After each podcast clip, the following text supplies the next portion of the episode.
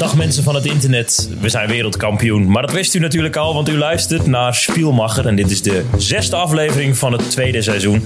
Mijn naam is Stijn Steenhuis, redactielid van het platform. En aan de andere kant van de lijn vanuit Detmold, Duitsland... mijn lievelingssidekick Bobby Schagen. Bobby, dag.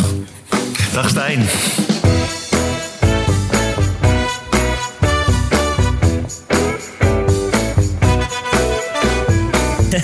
We hadden het goed, de voorspelling.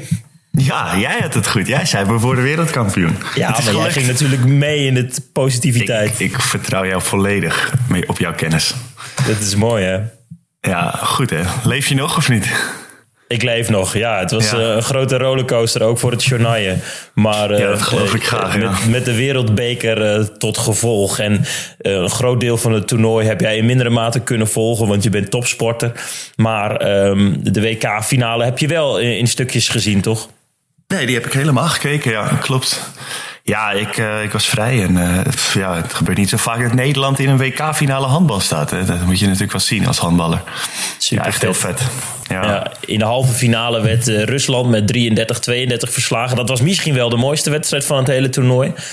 En um, ja, toen de wereld op zijn kop. Maar dit was toch de mooiste? Ja, bedoel, de, uit, in de laatste wel. seconde winnen. Dit is toch een WK-finale? Ja, ik krijg toch wel een beetje kippenvel als je dat fragment hoort van Abingham die hem dan maakt. Ja. Het is wel gruwelijk. Eén doelpunt verschil ten opzichte van Spanje. We begonnen slecht 6-2 achter en uiteindelijk uh, toch voor. 13-16 bij rust. En aan het ja. eind van uh, de WK-finale kwam Spanje nog terug. Wat dacht je? We geven het uit handen. Mm, nou, het was in dat opzicht een beetje een gekke finale. In het begin, nou, ze kwamen er een beetje moeilijk in. Maar ja, uh, ik bedoel, het is een WK-finale. Ik kan me voorstellen dat er ook wat zenuwen meespeelden. En uh, Spanje had een paar breaks achter elkaar. Scoorde wat makkelijk. Maar toen op een gegeven moment toen zag je wel gewoon dat Nederland eigenlijk veel beter was. Weet je wel? Tenminste, dat idee had ik. Uh, dekking stond goed en ze maakten doelpunten. En uh, ik weet niet, ik, ik had echt het idee van ja, Nederland, dit gaan ze niet verliezen. Dit kan niet. Ze zijn gewoon echt beter. Weet je wel? Het was echt een verdiende overwinning. Maar het leek wel alsof aan het einde wel zo'n momentje was van. Uh, oh fuck, weet je, we gaan, weer, we gaan wereldkampioen worden. En dat, dat het daardoor weer eventjes zeg maar, wat minder ging. Wat, wat foute passes naar de cirkel en zo. Maar toen kwam Spanje weer terug. En toen had Spanje eigenlijk ook nog gewoon uh, een matchbal. Matchbal, ja. Die gingen niet in. Westen keerde uh, de, de, inzet van de Spanjaarden. En toen ging natuurlijk, uh, ja, stond de wereld daadwerkelijk op zijn kop. Want uh, ja, de beslissing um, om een penalty te geven en een rode kaart na een Spaans blok. begreep jij die meteen? Nou, ik ken natuurlijk wel gewoon die regel dat je in de laatste 30 seconden bij een overtreding dat je penalty en rode kaart krijgt. Die kende ik wel. Alleen toen ik de herhaling zag, dacht ik wel van ja, maar wat, wat doet ze dan fout? Want ze springt buiten de zes en uh, blokt die bal. Ik bedoel, het is niet, ze maakt geen overtreding, zeg maar. En um, ik weet dat je bij een vrije worp drie meter afstand moet hebben en zo. Maar ik, ik dacht, deze bal is gewoon in het spel. Wat doet ze fout?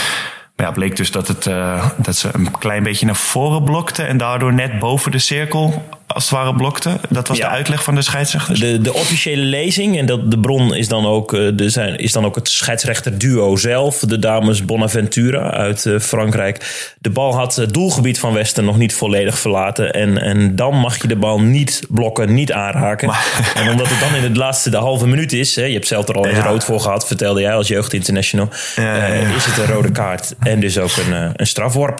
En niet maar, de diefstal van de eeuw.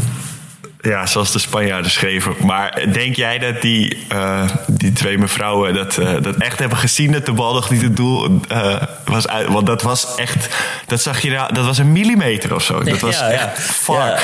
Ja, dus ik denk dat ze echt, dat ze gewoon een verkeerde beslissing hebben genomen. Maar dat ze zijn gered, zeg maar, door de, door de beelden. Want ik kan me niet voorstellen dat ze dat heeft gezien. Dat was niet als, te zien. Als dat ze, ging veel te snel. Als ze maar goed, gered worden door de beelden, dan hebben ze toch juist de goede beslissing genomen. Ja, ja, dat is waar. Ja. Zoals Peter Portenger zei op Radio 1, uh, lekker belangrijk.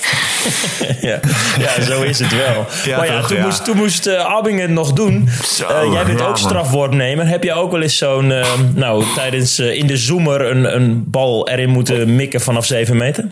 Ja, ik had het wel te doen hoor. Want je voelt het meteen, weet je wel. Omdat, ja, ik neem zelf ook wel veel penalties. En ik heb inderdaad wel eens, zeg maar, in, in competitiewedstrijden... Dat, je dan, uh, dat de tijd al voorbij is. En dat je dan nog een penalty moet nemen. En uh, die zenuwen. Maar in een WK-finale ja. op, op gelijke stand... twee seconden voor tijd een penalty moeten nemen. Nou, nou, nou. Ik, ik denk dat ik op het veld in mijn broek had gescheten van de zenuwen, denk ik. Uh, Abbing heeft, uh, heeft dat niet, gedaan. Maar zullen we eens luisteren hoe, hoe, zij dat beleefd heeft? Ja, ja.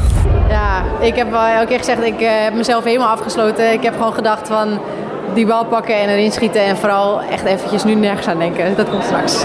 Ze raakte hem nog, hè? Ze raakte hem nog. En het mooie was dat ik de afloop nog met haar sprak. En dat zij zei van... Ik wist dat het je favoriete hoek was, maar ik dacht misschien denk jij ook wel dat ik weet dat het jouw favoriete hoek is. Dus dan zie je maar weer hoe psychologisch dat is. En uh, ik dacht als ik maar hard genoeg zit, dan uh, gaat hij er wel in.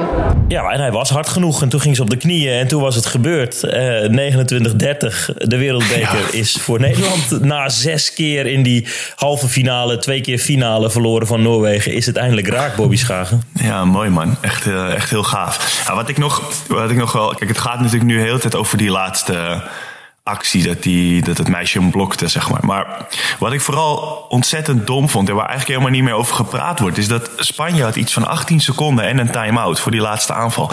Maar ze schieten bij ik geloof dat die Cabral, die schiet, dat is rechteropbouwster, die geloof ik, die schiet vanaf helemaal de andere kant recht op de keeper af. Met nog acht seconden. Gewoon echt dat je denkt van, je hebt al die verlenging, zeg maar. Het staat gelijk. Als je je schot pakt bij 57, 58 seconden. En dan gaat hij niet in, dan heb je gewoon nog de verlenging, weet je wel. En nu neem je zo onnodig risico door, door 10 seconden voor het einde al te schieten. Terwijl je, terwijl je geen tijdspel, helemaal niks. Dat ik vind is, dat was niet echt bekwaam. Nee, dat was echt, dat is de grootste fout die ze gemaakt hebben. En daar wordt nu helemaal niet over gepraat. Ook niet in Spanje waarschijnlijk, omdat nou, het alleen maar gaat over die regel. Ja. ja, nou ja, ik vind dat, dat vind ik gewoon. Daar gaat het mis. Ik bedoel, als je vanaf een moeilijke positie recht op de keeper schiet en, die, en de, je geeft daarmee de tegenstander nog 7 seconden om te winnen. Ja, dat is gewoon. Eh, dat, dat is echt dom. Dat vind ik echt dom. Heel dom, ja. De, niet de diefstal van de eeuw, maar wel uh, de domme tactische uh, uiteenzetting ja, na vanuit een, moeilijke, uh, vanuit een moeilijke positie een onmogelijk schot nemen met nog twee seconden. Ja, dan gaat hij er niet in, dan heb je verlenging. Weet je ja. wel, dan, dan, nu, na die penalty had je geen tijd meer. Nee, en vanuit geslagen positie Spanje was een verlenging dan nog wel uh, nou, uh, daarom, het hoogst haalbaar. Daarom. Ja, en je had, al dat gelijk, je had al die gelijke stand. Het was niet dat je achter stond. Maar goed, ja. Ja, waarschijnlijk is het, het is ook makkelijk praten natuurlijk vanuit uh, de woonkamer in, in Amsterdam. Uh, als je naar een WK-finale kijkt in je joggingbroek, dan dat je daar staat en de klok in de gaten moet houden en zo. Dus heb, jij dan een, heb jij dan zo'n grijze joggingbroek? Ja, een grijze of een zwarte, ja. Dat was op een gegeven moment was het een ding, hè? Dat op een gegeven moment werden dan grijze joggingbroeken werden dan uh, opeens een soort van ding. Maar het ding als in dat het hip werd of dat het ja, niet ik weet het werd? niet. Er was een periode dat, dat mensen dat dan ook op straat droegen. Ja, ja, ik draag ook wel eens op straat, joh.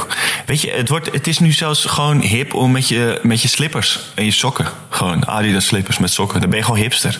Eigenlijk kan alles. Als je dan ASO. Als de Febo al kleding maakt, dan kan alles. Ik heb Febo-sloffen. Ja, die vind ik echt vet, man. Ja. Ze hebben ook zo'n trainingspak, dat vind ik zo gruwelijk. Ja, op de ene staat V en op de andere Bo. Ja, dat is mooi man. Legendarisch goed.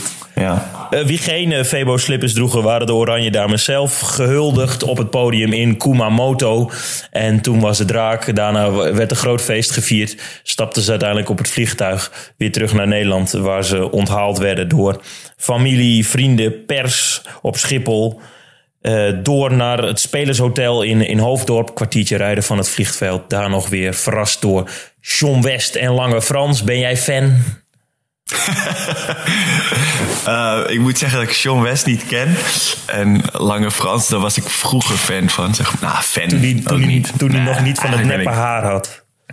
Ja, eigenlijk ben ik geen fan van Lange Frans. Maar goed, het is wel mooi dat... Uh, dat Lange Frans op Schiphol staat om de handbaldames uh, binnen te halen. Dat is Ja, toch mooi. mooi. Het Dat je een allemaal paar jaar geleden nummer- ook niet te Eh, voorspellen. het nummer Lekker Ding werd een soort van lijflied van de Oranje Dames toen ze eh, wedstrijden gingen winnen, belangrijke wedstrijden gingen winnen. Want ze hebben er ook drie van de tien verloren, moeten we even erbij vermelden.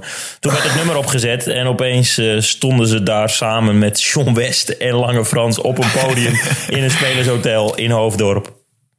Wel kut voor baas B trouwens, vind ik dat. Weet je wel, dan heb je jarenlang ben je een duo geweest met Lange Frans. Je bent nu ook weer net bij elkaar. En dan Toen kiezen ze hè, precies. samen. Ja, dan kiezen ze precies die ene hit uit die Lange Frans niet met jou heeft. Dan mag je dus een hele groep meiden verwelkomen. Dan gaat hij met Sean West. Ja. Heb je het gebit gezien van John West? Nee, ik ken hele Sean West niet. hè, Nee, goed wit is dat gebit. Wit? Oh, oké. Ja, mooi. Dus hij poetst goed. Ik denk, ja, ik, en een flossen. Ik denk dat hij met een elektrische tandenborstel poetst. Ah, oké, ja, goed. Mooi man. Standvlees meenemen, dat is ook belangrijk. Hè? Ze gaat ontsteken. Ik mocht daar ook zijn namens Handbal Inside. Half twee ging de wekker op naar Schiphol. eh, ont- ontvangen en, en filmen en doen. Eh, interviews mogen afnemen. En ik heb ook meerdere speelsters gevraagd van wat is nou eigenlijk eh, de sleutel tot het succes. En eigenlijk meer dan andere jaren nog was ja, de, offer, de offers die gebracht werden voor elkaar ehm, wel de sleutel. Dus ehm, speelsters die niet speelden hielden hun mond en waren blij met iedere goal. En speelsters die in het veld stonden liepen de planken uit de vloer. En eh, wisten Ja. ook dat de reserves even belangrijk waren. Dus eh, ja, de chemie eh, was goed en de puzzel klopte. En uiteindelijk heeft dat tot, tot goud geleid, Bobby Schagen. Ja, vet hè? Ja, gewoon wereldkampioen handbal. Ja, je moet je voorstellen dat die, dat die vrouwen in een, in een vliegtuig hebben gezeten. En dat ze dan met hun eh, ehm, slaaphoofd, hun, hun Netflix-ogen. opeens eh, tegenover honderd mensen staan, waaronder ook eh, twintig camera's. Nou, dat is lekker. Ja. ja. Slaaphoofd en zal ongetwijfeld nog wat alcohol in het bloed hebben gezeten. Ehm, een, bij een enkeling zeker, ja. Hoe is dat eigenlijk voor jou, eh, zo'n finale, om daar nog heel even op terug te komen? Want jij bent natuurlijk aan het schrijven. Jij hebt altijd eh, tien seconden na de, na de wedstrijd het verslag klaar, zeg maar, op de site. Maar in zo'n laatste minuut kan, je ook een heel deel weg moeten gooien Ja, dan. Als, dan, ook, als Spanje eh, hem dan toch wint. Hoe, zit je dan met twee versies? Of hoe, hoe Nou, werkt het, het het dan? stuk over dat we wereldkampioen zijn geworden is het best gelezen stuk ooit op de website van Handbal Insight. En eigenlijk was het een stuk waar ik helemaal niet heel tevreden over was. Want eh, wat je al zegt, je gaat van een Ja, aantal ja, scenario's uit en je schrijft wat. Alleen in zo'n laatste minuut kan er nog zoveel gaan, fout gaan. En je Ja. wilt toch snel zijn. Dus eigenlijk staat niet de allerbeste versie van hetgeen dat je wil schrijven, staat meteen online. Ehm, maar ik vind ook dat wij als nieuwsbron serieus genomen moeten worden. Dus moeten we snel zijn. Dus in dit geval ging, ging, stond er feitelijk stond wat er gebeurde, maar had het verhalend wel mooier gekund. Oké, ja, maar daarvoor heb je dan nog daarna tijd toch om, eh, om andere follow-ups heet dat, eh, te ja. maken. Ja, ja. Maar dat, is, dat lijkt me best wel heftig, want het was geloof ik iets van acht minuten voor tijd, eh, vier, vijf voor. Dan ga je toch al langzaam in die kop schrijven van we zijn wereldkampioen. Zeker, En ja. dan in één keer heeft Spanje nog die laatste bal. En dan zit je dan al helemaal klaar met je backspace, zeg maar. Ja, nou ja, dat is dan wel even stressen. Want dan denk je, holy moly, eh, het moet anders. En uiteindelijk winnen ze toch. Dus de kop, eh, Nederland is wereldkampioen. Wat ik een mooie kop vond. Want ik dacht, Ja. het is simpel. En het is precies hoe het is. Die, Ja. die kan ik laten. Ehm, En het is er eentje die je nooit, misschien nooit meer, of niet, in ieder geval niet heel vaak kan gebruiken. ja, bijzonder wel. Ja. Maar verder was het vooral ehm, eh, eh, ja, follow-up schrijven die dan wel verhalend wat sterker waren. En eh, ik moet wel heel eerlijk zijn dat ik zondagavond pizza heb gegeten met vrienden. En dat ik toen eh, wel eventjes klaar was. En dan vraagt iedereen ook, wat vond jij er dan van? Want goed, ze, ze weten Ja, dat, ja, ik, ja. dat dit ook mijn vak is. En eigenlijk heb ik gezegd van jongens, vandaag even niet. Laten we alsjeblieft iets kijken wat, wat heel onzinnig is. Want ik ben wel even klaar met handbal. Ja, dus jij ging toen het WK daar te kijken. ja, ja, maar daarover straks weer in de Zit je halftime weer show. in een WK? Oh ja, geweldig. Darts Inside. Ik vind weer. ook dat we dat moeten doen. Ja, man, sowieso. Laten we de, de, de halftime show omdopen tot... Dan moeten we ook een soort darts podcast beginnen die dan niet Spielmacher heet, maar Bullseye of zo. Of gewoon Dit was, het tops. beste, dit was het beste dat je kon verzinnen, Bullseye. Ja, nou ja, dit is to- tops. Vind ik ook Tops, wel mooi. ja, dat is nog mooi. Ja, dubbel 20. Ja. Ik wil voordat we naar die, naar die halftime show gaan, uh, nog even een fragment laten horen van een interview dat ik had met Danique Snelder. Haar verhaal is bekend. Een jaar geleden uh, kampte ze met, uh, met ernstige fysieke ongemakken door een, door een hernia. Um, ze moest terugkomen van ontzettend ver. In de lente keerde ze terug bij Oranje in de oefenpartijen tegen Rusland. Toen werd ze op de terugweg uh, richting de dekking nog ingehaald door alle veldspeelsters. Uh, want uh, uitgestraald de, na haar voet de pijn. Um, ja, daar kampte ze dan toch mee. Uh, en het was toch lastig. Teruggekeerd, goud om de nek. En ik schreef een column over haar. Ik weet niet of je die ge gelezen hebt of de, de moeite hebt genomen Zeker, om de letters tuurlijk. te verorberen. Tuurlijk. Uh, ze ging ook lopjes gooien halverwege het toernooi. En die gingen er ook allemaal in. En ook op momenten dat je dacht, nu een lopje, ben je Ja, uh, vooral helemaal ook, gek. Um, zij, zij miste er geloof ik één of twee achter elkaar. Best wel een belangrijk moment. Ja. Toen kwam Spanje ook dichterbij. Mhm. En toen kreeg ze daarna een bal die was super belangrijk. Toen gooide ik gewoon heel relaxed zo'n lopje eroverheen. Toen dacht ik wel, oké, dit kan niet meer misgaan. Eigenlijk als je zo, zeg maar, als je dat doet op zo'n moment nadat je al twee moeizame schoten had, dat, uh, respect hoor. Dan uh, Chapeau. zit het goed. Laten we even luisteren naar wat ze zegt. Yes. Je komt van ver. Je hebt goud om je nek. Wat was je goed, Danique? Wat was je goed? Dankjewel. Ja, het is echt, uh, ja, ook voor mezelf natuurlijk een super bijzonder uh, toernooi geweest. En ja, dat je dan die gouden plak past. Ja, ik bedoel, uh, een jaar geleden had ik dit niet, natuurlijk niet gedacht. Nee. Hoe fijn is het dan? Ja, het is echt heel bijzonder. Echt heel fijn. Ja. Ga ik dan toch positief eindigen voordat het voor jou heel vervelend wordt? Heb je al een gala jurk? Nee, je zou positief eindigen. Oh, sorry. Nee, ja, dus die ga ik vanmiddag nog even op de kop slaan ergens. Nou, toch het interview geëindigd met, uh, met een lach over het sportgala. Dat ze uiteindelijk wonnen, laten we daar zo over hebben. Maar uh, ik merkte toch wel wat, wat emoties bij, de, uh, bij Danique Snelder. Ik denk vanuit Humble Insight, geen idee of ze luistert. Of dat iemand haar kan vertellen wat we over de zeggen. Maar een diepe buiging toch? Ja, sowieso. Ja man, ja. Ja, veel respect. Harde werker, altijd goede en heldere teksten. En nu. Goeie captain goud. volgens mij. Goeie captain. Ja. ja. dat is de juiste conclusie. Ja. En gisteren, want het is vandaag donderdag als we dit opnemen. Uh, sorry dat jullie minstens een dag moeten wachten tot het in elkaar gestoken is. Uh, technicus Jasper is aan het werk en moet ook nog nachtrust hebben. In tegenstelling tot wat sommige mensen denken op Twitter. ja, iemand, zei, iemand vroeg of hij wel sliep of dat we hem soms gewoon opnieuw opstarten en dat hij het dan weer doet. Reboot. Volgens mij werkt dat ook echt zo bij hem. Maar het sportgala ook nog weten te winnen. Op het laatst toegevoegd, de, de, de regels verruimd. Niet meer van 1 januari tot en met 30 november. Maar nu speciaal voor de Oranje Dames um, is zo'n nominatiejaar van 1 januari tot 15, tot en met 15 december. En zo konden ze nog genomineerd worden voor het sportgala van het NOC, NSF en de NOS. Ja. En die wisten ze te winnen. Sterker dan Ajax, Bobby Schagen.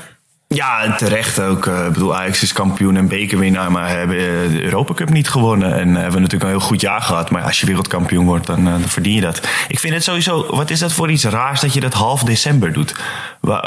En dat je dan ook, weet je wel, dan heb je gewoon, er zijn gewoon nog WK's, er zijn nog andere toernooien die tot het eind van het jaar lopen. Je kan dit toch ook gewoon op 5 januari organiseren? Wat is het? Ik snap het, dat snap ik echt niet.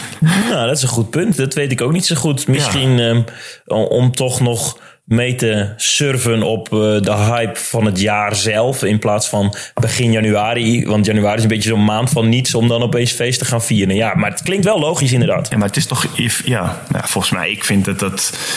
Dat is veel logischer, want nu heb je dus altijd dat vrouwentoernooi uh, eigenlijk een soort van niet meetelt. Dus heb je gewoon nee. een sportpech, omdat jouw grootste toernooi halverwege december of soms eind december klaar is. En nu jij dit zegt, het nominatiejaar is dan van 1 januari tot en met 15 december. Ja. Wat nou als voor iedereen tussen uh, 15 december en 31 december, als je iets presteert, dan win je dus nooit. Want het is volledig buiten ieder nominatiejaar, zowel van 2019 ja, als 2020. Als ze zeg maar niet hadden meegeteld voor dit jaar, dan hadden ze volgend jaar sowieso niet gewonnen, omdat het veel te lang geleden is. Dat is iedereen ooit vergeten. Ik noem een Benito van der Pas. Precies. Die heeft gisteren gewonnen in de kwalificatie van het WK maar, darts. Die, maar die, die maakt die... dus nooit kans om sporter, sportman. Is het een sportman? Ja, toch? Ja, toch nou, zeker. Ja, topsportman. Om dat te winnen. Ik vind dat, dat vind ik echt raar, maar goed. En genomineerd voor sportman van het jaar: Virgil van Dijk, Max Verstappen en Benito van der Pas. Ja. Dat gaan we nooit horen. Dat Nee. zijn drie, dat zijn zinnen ja. die we nooit gaan horen. Nee, precies. Nee. Nou, ik weet wel al naar wie de, de Oeuvreprijs volgend jaar gaat. Dit jaar voor Richard Krajicek hem. Maar er is er natuurlijk maar eentje die die, die, volgend jaar kan winnen. Harry Weerman? Nee, Remo van Barneveld natuurlijk. Heb je dat gezien? De Wacht, legend. Bobby, laten we, laten we, laten we een, een, een subtotaalstreep zetten onder dit deel van de podcast. Oh, we gaan straks nog dit voor de halftime show, hè? Ja. Ja, dan gaan we die nu instarten. Ehm, eh, welkom luisteraar. Fijn dat je al eh, minstens 20 minuten naar ons luistert. Handen aan het stuur. Eh, dit is de halftime show. Het segment in. Spielmacher, de podcast van Handbal Insight, waar ook ruimte is voor niet handbal gerelateerde zaken. Heb je nou een gespreksonderwerp of een discussiepunt die we zeker eh, hier moeten gaan bespreken? Mail dan naar bobby@handbalinsight.nl of redactie@handbalinsight.nl. Nu mag je gaan. Remo van Barneveld. Oeuvreprijs 2020. Ja, dat was sneu. Heb je dat gezien of We niet? moeten context geven, Bobby. WK darts, eerste ronde. Wat gebeurde er? Het was zijn laatste WK. Eh, hij had al eh, moeite en hij, volgens mij zit hij tegen een depressie aan of zo. En zijn relatie is al een stuk. En eh, het gaat niet goed met Barney. Altijd niet. En dit was zijn laatste toernooi. En nu is hij er geloof ik in de eerste ronde. Is hij eruit gevlogen tegen een of andere onbekende gozer. En ja, het was echt hartverscheurend. De hele zaal schreeuwde of zong zijn naam. En hij gaf na afloop een interview. Eh, of hij gaf ook eerst een interview waarin hij eigenlijk niet eens iets kon zeggen, omdat hij zo teleurgesteld was. En eh, daarna gaf hij nog een paar interviews waar ik gewoon een beetje bang van werd ook. Ja, heel bang. Verloren van de demonen in mijn hoofd, zei hij. Ja. En het Maar wat wil je ook? Want meer, eh, zei hij. hij is vijf keer wereldkampioen geworden. En dan krijg je een wildcard voor dit toernooi... terwijl je eigenlijk al halverwege gestopt was. Dan pep je jezelf toch op. En dan sta je daar. Heb je, heb je die opkomst gezien? Dan gaat er eerst gaat de 30 Ja. seconden een soort van luchtsirene af... terwijl iedereen in de lucht kijkt en denkt... eh, waar is de... De- eh, De Barney Army. Ja, en dan gaat het... En dan, ladies and gentlemen, vijf keer wereldkampioen of the world. Nou jongen, dan, en dan zie je die Barney kijken die denkt... verdomme, ja, dat heb ik allemaal gepresteerd... maar ik ben nu nog maar ik het nog. echt een fotje van wat ik toen was. Ja. Nou, Ja, en dan eh, gaat er iedereen Barney Army roepen... en dan Eye of the Tiger... en dan, eh, nou, dan, dan moet je nog maar eens gaan presteren. Allemachtig, dan moet je mentaal... Ik bedoel, Abbing stond voor spanning en, en, en dingen... maar dit, dit is een gekkenhuis, man. Ja, maar weet je wat ik dan... Kijk, je kan toch gewoon op je einde van je carrière gewoon slechter worden? Dat, dat kan toch? Dat hebben voetballers ook. En, Ja, maar dat accepteert Maar- Barney niet. Maar bij Barney, wat ik zo eng vond, is dat hij dan van die teksten zegt: het leven heeft geen zin meer en zo. Bij hem, zijn leven was echt het darten. Er, er was zeg maar niet een. Kijk, je hebt een, een handballer Bobby en een, en een mens Bobby. Maar bij Barney was er gewoon, ja, de darter, de darter Barney. En nu gaat het slecht en nu wil hij ook niet meer leven en zo. Het was echt best, hij zei echt heftige dingen. Dat ik echt dacht van, nou, dingen. mensen moeten wel een beetje op hem letten de komende dagen. Want eh, ja, en dat vind ik best wel heftig dat dat, dat dat zo erg, zeg maar, je sportieve prestatie zo erg op je, op je leven slaan, zeg maar. Ja, jij zegt nu dat jij wel eh, het, het goed het onderscheid kunt maken. Maar heb jij ook wel eens in, in tijden gehad dat je dat minder kon? Als in dat sportieve malaise je echt wel aantasten in je zijn? Ja, zeker wel heb ik dat wel eens gehad. Ook eh, een beetje het afgelopen half jaar waarin ik veel, ook veel last had van een blessure en zo. Dan, wat voor mij ook nieuw was, omdat ik dat nooit had. Toen merkte ik wel dat ik daar niet zo heel goed mee om kon gaan. Maar dan moet je daar, ja, het was, ik, ik, ik, dan, dan vind ik dat gewoon heel irritant. En dan zit me dat dwars en het eh, houdt je de hele dag bezig. Maar op een gegeven moment denk je ook van ja, waarom. Kijk, als ik nu gewoon een vrije dag heb of zo, en ik ben met familie of vriendin of zo, hoezo zou ik dan ook eh, zo sip moeten zijn? Ik bedoel, er is toch ook nog iets anders dan, eh, dan de handballer, zeg maar, waar het dan even niet goed mee gaat. Maar bij Barney was het echt. goh. Hoe kom jij dan tot dit inzicht? Praat je dan met mensen? Ja, ook wel. Maar ik ben op zich niet zo iemand die daar heel. eh, ik wou zeggen, ik ben niet zo iemand die heel erg graag praat, zegt hij in een podcast. Maar ehm, nee, ja, gewoon over nadenken, denk ik, of zo. Van, van, ja, en over hebben. En jij toch zal het ook wel eens hebben dat het, dat het eh, op een bepaald vlak niet zo lekker gaat. En dat je niet wil dat, dat, dat, dat je overal, zeg maar, eh, bij pakt of zo. Nee, zeker. Nee, ik ben dan wel een prater. Ik ga dan wel mensen praten en een beetje spiegelen. En, Ja, nou en ja, dat dan lucht kom je wel uiteindelijk tot, tot eh, mooie inzichten. Ja. ja, zo moet het toch ook. Ja. Ja, maar Barney eh, moeten we dan maar goed op eh, passen. Hallo kunnen Barney, eh, als je luistert, Ja. hè, longshot uh, van hier heb ik jou daar. Kom een het keer langs. dit. Ga, Ja. ga bij ons op de bank liggen. Dan gaan we even Ja. met je praten. Je bent vijf, vijf keer wereldkampioen geworden, man. Trek je Ja, maar aan en ga Hij, liggen. hij heeft gewoon het darten bekendgemaakt in Nederland. Ik bedoel, hij is gewoon een legend. Ja, dan was hij maar- aan het einde een beetje slecht. Ja, nou ja. Ja, wat boeit dat nou? Ja. Wij zijn uitzinnig van vreugde omdat de Oranje Dames wereldkampioen zijn geworden. Barney heeft dit nog eens vier keer vaker geflikt. Precies. Ja, ik, ik heb mijn hele leven... Ik ga voor het eerst naar een EK. Barney heeft vijf keer een WK gewonnen. Ik bedoel, hallo. Ja, hè. Ja, toch? ik vind het trouwens wel fucking vet dat je naar een EK gaat. ja, Ja, thanks. verdorie man, de sidekick op het parket in Jij Trondheim. gaat ook, hè? Ik ga ook, ja, ja, Ja, om, om leuk. jou en je teamgenoten te achtervolgen. Ja, vet.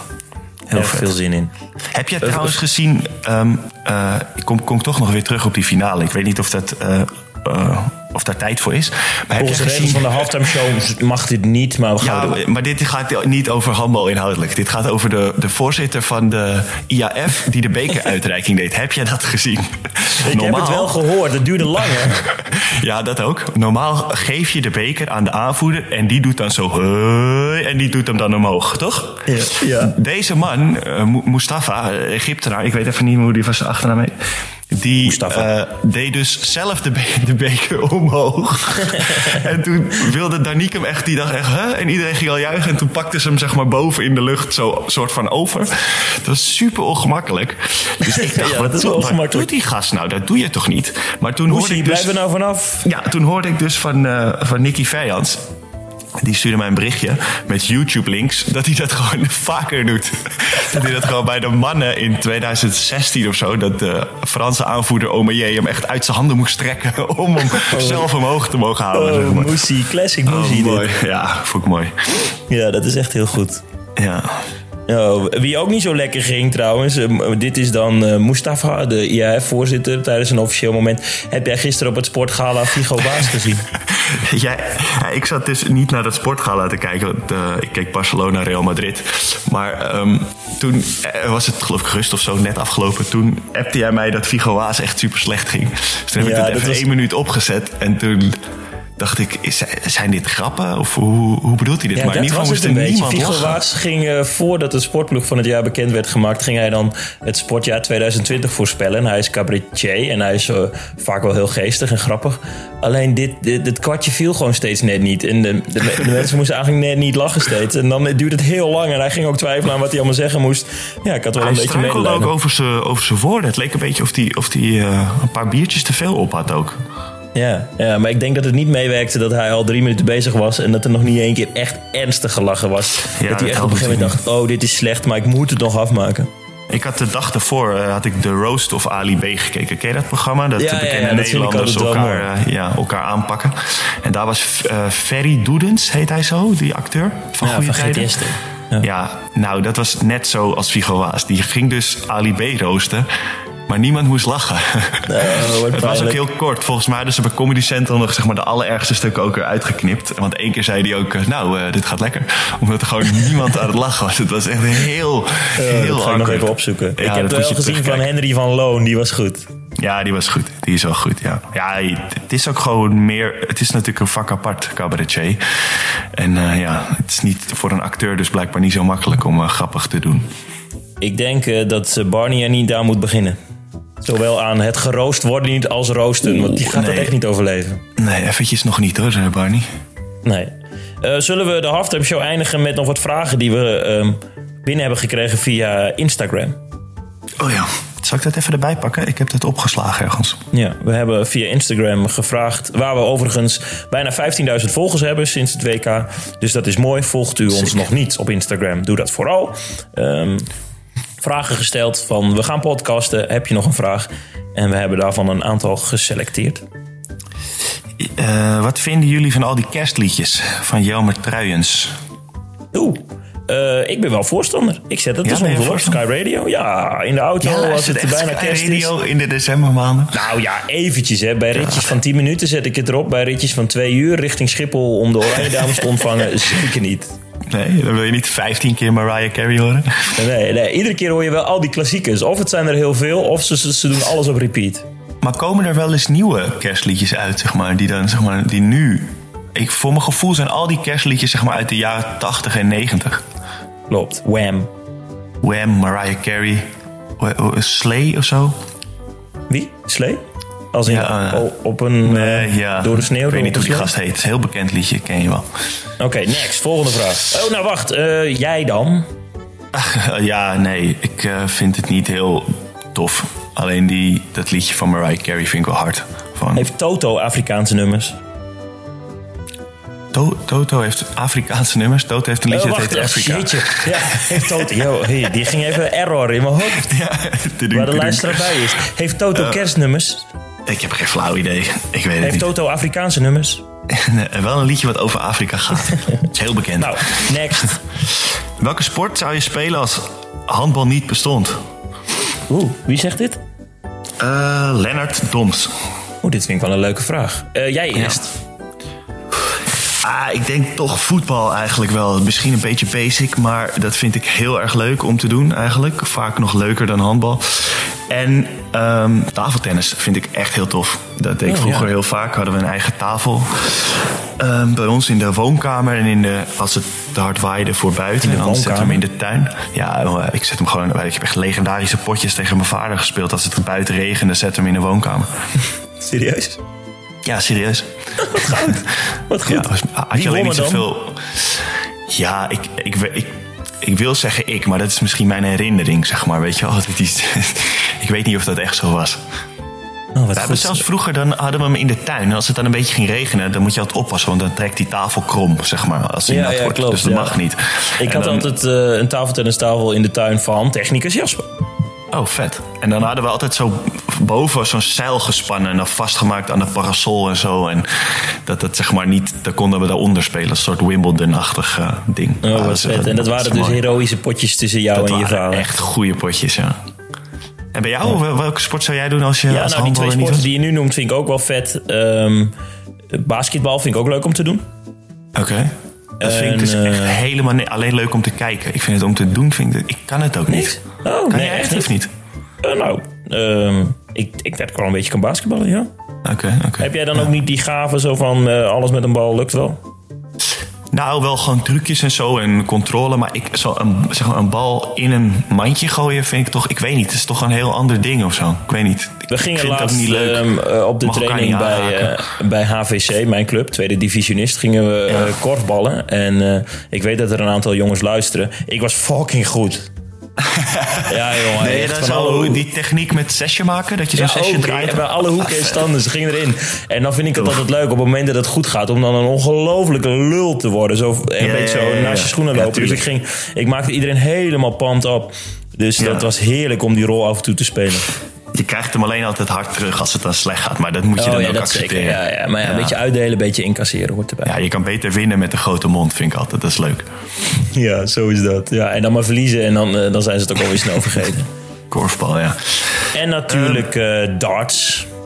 Darts. Ja, darten, dat- ik had dus een dartbord in mijn kamer vroeger. Maar dat, vond ik dan, dat gebruikte ik dan echt alleen in december. Als dart op tv was. En dan weet je, dan zat ik in die sfeer.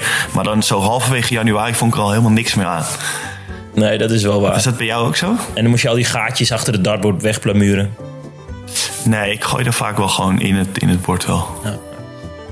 Eh, ja, nou ja, dart is gewoon natuurlijk vooral heel leuk om te kijken. Met eh, Ja, onze nieuwe ja. volksheld Benito van der Pas. Ik zeg die naam gewoon, het is gewoon een gouden naam. Hoe staan jullie tegenover het bestraffen van een bal in het gezicht gooien bij de keeper van El Quina Jr.? Oeh, goede vraag. Ehm, hij is keeper, hè? Tachos, keeper van Tachos. Hij is keeper van Tachos, Quincy, ja. Wat vind jij ervan? Ik eh, vind dat dat goed geregeld is. Als je een penalty recht eh, in het gezicht gooit van de keeper die niet beweegt, dan krijg je een rode kaart. Vind ik goed, want waar- waarom, dat hoef je niet te doen, zeg maar. En eh, ik vind dat je kan er niet altijd wat aan doen als speler als dat in het spel gebeurt, als een keeper zich beweegt, als je een duwtje krijgt. eh, dat is niet altijd bewust, zeg maar. Dus ik vind dat, dat ik zou het stom vinden als je een keeper in het gezicht gooit dat je, daar, dat je dan een rode kaart of twee minuten of zo krijgt. Ik bedoel, ja, een keeper beweegt ook. Die duikt soms ook gewoon met zijn gezicht voor, voor jouw bal, zeg maar. ja, ik, vind hoe het nu is, is het toch prima. Ik, wat zou je daar... Ja, dat is een beetje onderdeel van het vak dat het soms gebeurt. Ja, ik vind het ook niet leuk. Maar ja, soms krijg je net een duwtje waardoor je uit balans bent, niet meer goed kunt gooien. Amen. Ja. Ben het daarmee eens. Ehm, nou, tot hem zover de eh, halftime show. Het segment in Spielmacher waar ook ruimte is voor niet-handbal gerelateerde zaken. Zoals Benito van der Pas. Heb jij zelf nou een onderwerpsuggestie? Of wil je laten weten dat ik, Stijn Steenhuis, sidekick van de eh, host van deze ehm, podcast wereldvoorspeller is. En dan quote ik Arjen van Wieringen. Die stuurde een mailtje en die zei... complimenten voor de wereldvoorspeller Stijn Steenhuis. Omdat ik natuurlijk al lang zei dat we wereldkampioen gingen worden. Ja, terecht. Eh, Ja. Wil je dit nou ook, dit soort dingen zeggen? Of zeggen dat ik een lul ben? Dat kan ook. Mail naar bobby.handbalinsight.nl of redactie.handbalinsight.nl En dan gaan we dat bespreken in de zevende podcast. Ehm, maar dit is eerst deel 6 en daar gaan we ook mee verder. Ja. Goud, Bobby, betekent een rechtstreekse plaats op het Olympisch toernooi in Tokio 2020. Dat is ook mooi meegenomen. Dat is ook wel heel tof. Hè? Ja, het scheelt toch weer eh, een hoop eh, stress. Ja, en ik, sprak mooi. mensen van het NFV en die zeiden geweldig dit. Ehm, maar we hadden ons ook ingeschreven voor het OKT. En dat dit waren we aardig tevreden over. Nu kunnen we geen toernooi eh, organiseren in maart.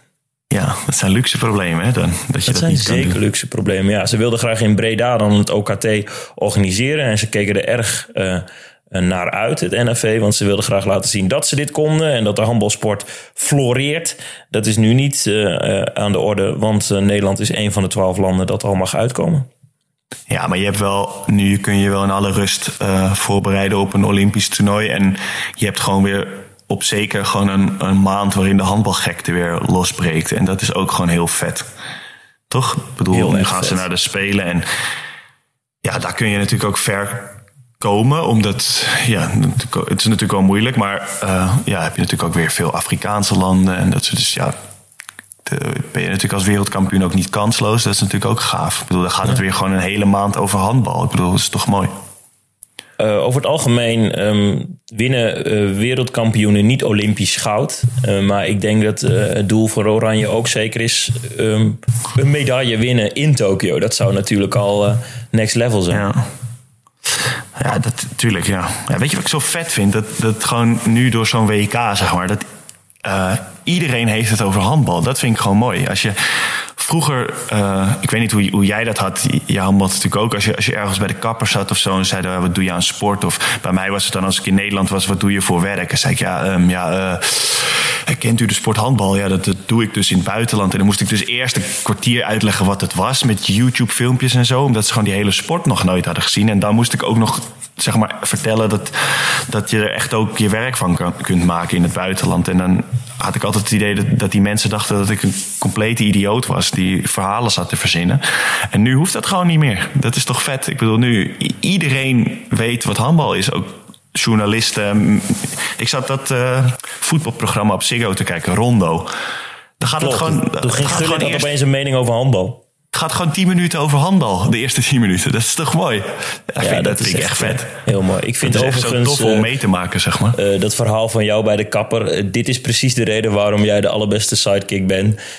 Want ik heb me dit nog nooit afgevraagd hoe jij dit zou uitleggen. En nu je dit zegt, denk ik, oh ja, jeetje. Dat moet een struggle geweest zijn. Want ik vind het al ingewikkeld Ja. soms om uit te leggen wat voor werk ik doe. Maar jij doet dan een sport die niet super populair of bekend is.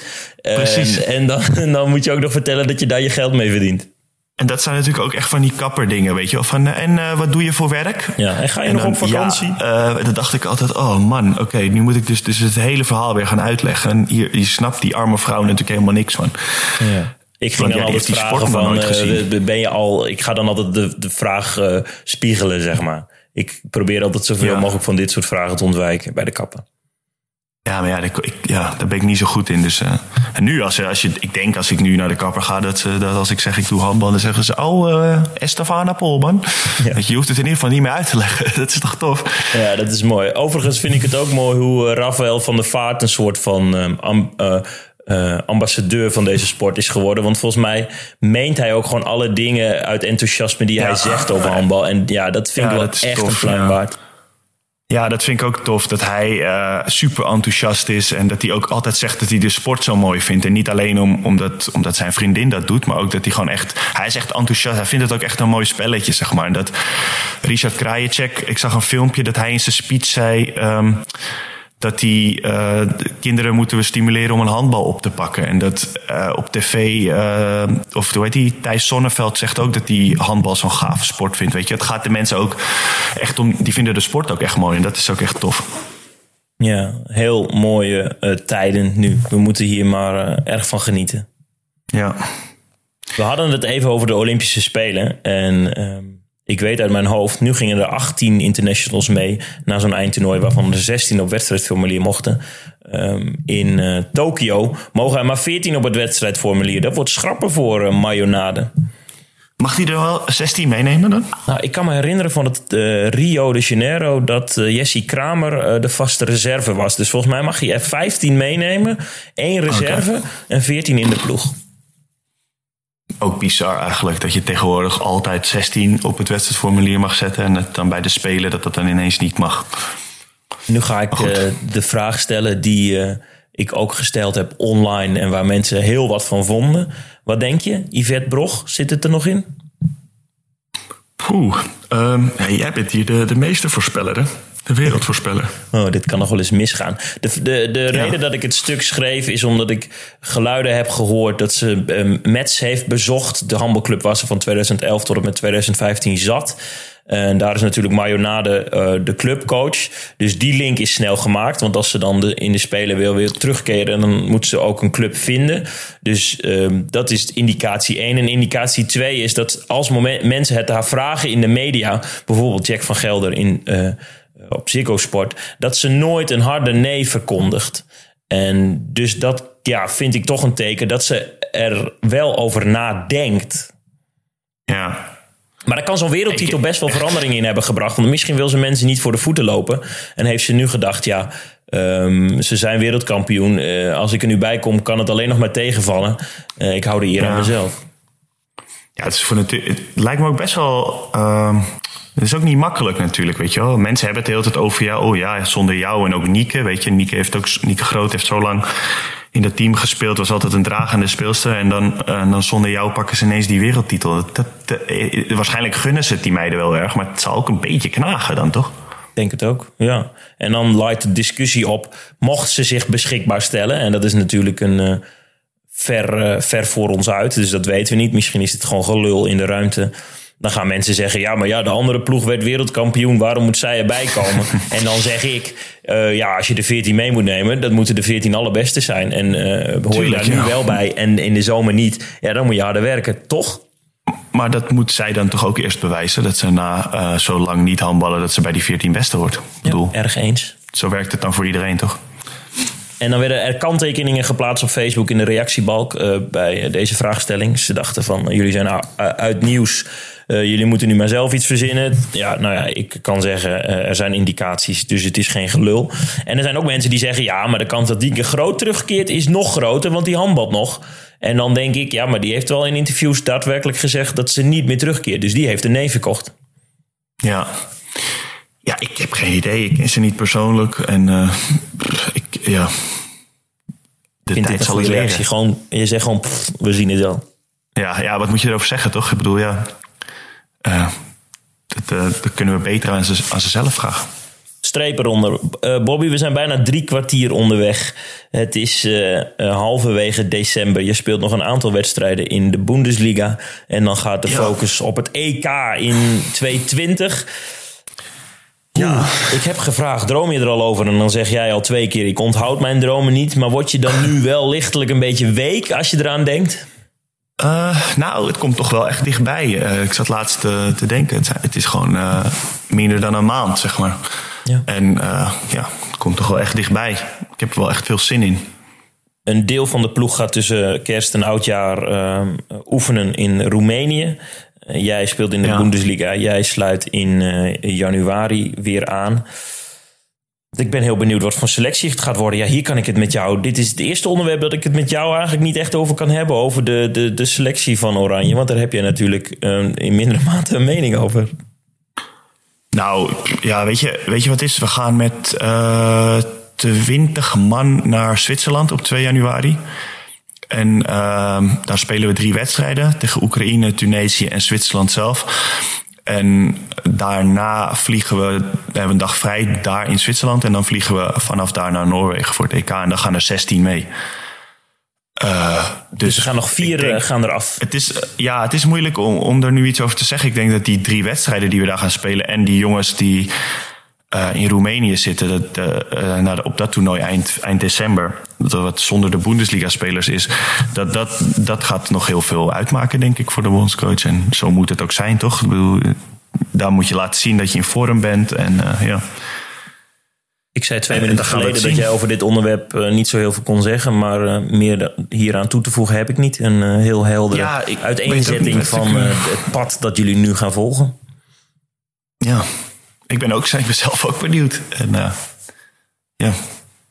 Dat wordt moeilijk om met jou te podcasten. Moet ik dan op zoek naar een, eh, een, een sidekick voor, voor drie weken? Dat mag hoor van mij, ja. Nee, dat wil ik eigenlijk tegen- helemaal niet. Tegen die tijd wel, eh, wel goed gaan focussen, inderdaad. En heb ik hier, ja, moeten we daarna maar weer even oppakken dan.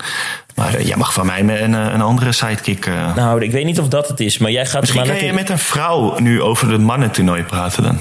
Oh ja, dat is wel vet. Ja, dat moeten Ja. we één keer doen. Ja, Maar dan, ja, dan ben ik ook wel weer bang dat je me dan natuurlijk op een gegeven moment gewoon hebt ingeruild. ja die kans is aanwezig. Ja, nou ja, goed, dat risico pak ik dan maar. Moet wel een vrouw zijn eh, die eh, ook eh, actieve topsporter nu is in de handelwereld en een beetje humor heeft. Oké, ja. Maar laat ze zich aanmelden dan. Redactie.halmoinside.nl Ja, of slide in de DM. Ja, ja, dat kan ik Angela. Malenstein, als je luistert, let's go. Het is ook een rechte hoek. Het is wel leuk. Ja, toch? En zij heeft humor. Ja. Dat was eigenlijk Ja, de reden dat ik haar naam noemde. Ah, oké, oké. Ja. Nee, prima. Leuk. Bobby, eh, in het draaiboek zijn bijna alle vinkjes eh, gezet. Hoe is het bij jullie? Dat vinkje hebben we nog niet gezet. Je moet toch even vertellen. Ja, hou me eens even. Ja, hoe, hebben jullie de laatste wedstrijd al gespeeld nu? Of komt er nog één speelronde? Nee, alle speelrondes van de eerste seizoenshelft zijn voorbij. En we zijn blijven steken op één punt. En eigenlijk val ik steeds in herhaling. Ehm, soms dichtbij, soms ver weg. Eh trainingsopkomst goed, sfeer goed. Eh, maar ja, het moet wel gaan gebeuren straks in de tweede seizoenshelft. Dus eh, eerst een beetje rust, pauze. En dan weer eh, volle bak. Hebben jullie die laatste wedstrijden dan ook, ook dik verloren? Of zitten jullie wel echt, zeg maar. eh, gaat, zit er echt een stijgende lijn in? Nou, Of we hoe- hebben de één wedstrijd tegen eh, US uit Amsterdam met drie doelpunten verschil verloren. Dus waren we heel dichtbij. Die hadden we eigenlijk moeten Ja. winnen. Eh, maar ja, dat is wel een harde les. Uit bij Rehorst was ik er zelf helaas niet bij. Eh, die hebben we stevig verloren. Eh, meer dan tien doelpunten verschil. En ehm, ja, dus eh, vanaf januari weer nieuwe kansen. Ja, het moet wel gebeuren. Eh, anders eh, gaan we weer terugkeren naar de hoofdklasse. Aan de andere kant, we zeggen heel vaak tegen elkaar... ja, dit is wel echt een heel vet seizoen. Nieuwe tegenstanders, heel veel leermomenten. En ja, dat is eigenlijk ook wel heel fijn. Leuk dat we dat met deze leuke groep, waarbij ik heel veel vrienden heb, mogen meemaken. Dus ja, eh, mocht je ooit dan. op dit punt komen dat je eh, promoveert met je, je, je ploeg en ben je bang voor wat komen gaat, omdat je niet zeker weet of je qua kwaliteit bestand bent tegen de sterkte van de tegenstanders. Eh, het is super leerzaam, het is erg leuk. Blijf om elkaar geven. Vraag hoe het is met elkaar. Want ja, je hebt een lang seizoen. En je zult niet Wordt heel- geen heel Barney. veel- Nee, dat is wel een goede conclusie, ja. Ah, mooi. Goed. Maar we lachen nog altijd en we gaan met elkaar oudjaar vieren. En, eh, en feestjes en leuke dingen. En eh, Kijk. ja, joh, dit is, eh, dit is een, eh, een heel leuk seizoen. En ook leuk dat we dat zo af en toe in deze podcast eens mogen bespreken. Ja, dan komen die punten vanzelf. Ja, Ah, die daar ga ik vanuit. Dat zijn we wel waard. Alleen dan moet je het laten zien op het moment dat het moet. Dus, eh, hè, sport is dan Ja. ook soms gewoon hard. En ja, zo wordt het. Ja, ja als je niet net iets te vroeg eh, afsluit of eh, in, boven de cirkel blokt, dan ben je ineens geen wereldkampioen, toch? Dat is hard. Verdorie, wat goed. Zo goed, hè? Is het verhaal Cirkel helemaal is rond. Wat ben ik toch blij met jou, Bobby Schagen. Oh man, ik, ik, binnenkort word ik gewoon host van zo'n podcast, denk ik. Oh, moet ze nog een keer ruilen? Nee, nee, nee, nee. nee. nee. Zullen we Nee, de luisteraar bedanken? Ja, dat is goed. Ja. Moeten we nog iets vertellen over het magazine? Ja, we waren van plan een, eh, een EK-special te maken over de mannen. Net als dat we een WK-special voor de vrouwen hadden. Ehm, maar moeten we dan nu eerlijk zijn dat we qua werkdrukte dat helaas niet gered hebben, die deadline? Ja, dat was, uh, er zit altijd een paar weken druk uh, tussen. En uh, ja, dat ging we gewoon niet meer redden. Dan zou die halverwege het mannentoernooi uitkomen. En dan is het alweer oud nieuws. En dat was dus iets te optimistisch om twee magazines binnen een maand te laten maken. Ik had, ik, als de Oranje Dames nou uitgeschakeld waren in de poolfase, dan hadden we het gered. Ja, dus het is hun schuld eigenlijk. En um, ja, dus nu gaan we proberen eind januari een uh, soort terugblik op twee toernooien. Een uh, extra dikke, hele vette editie te maken die je moet hebben. Dus nog even geduld, maandje.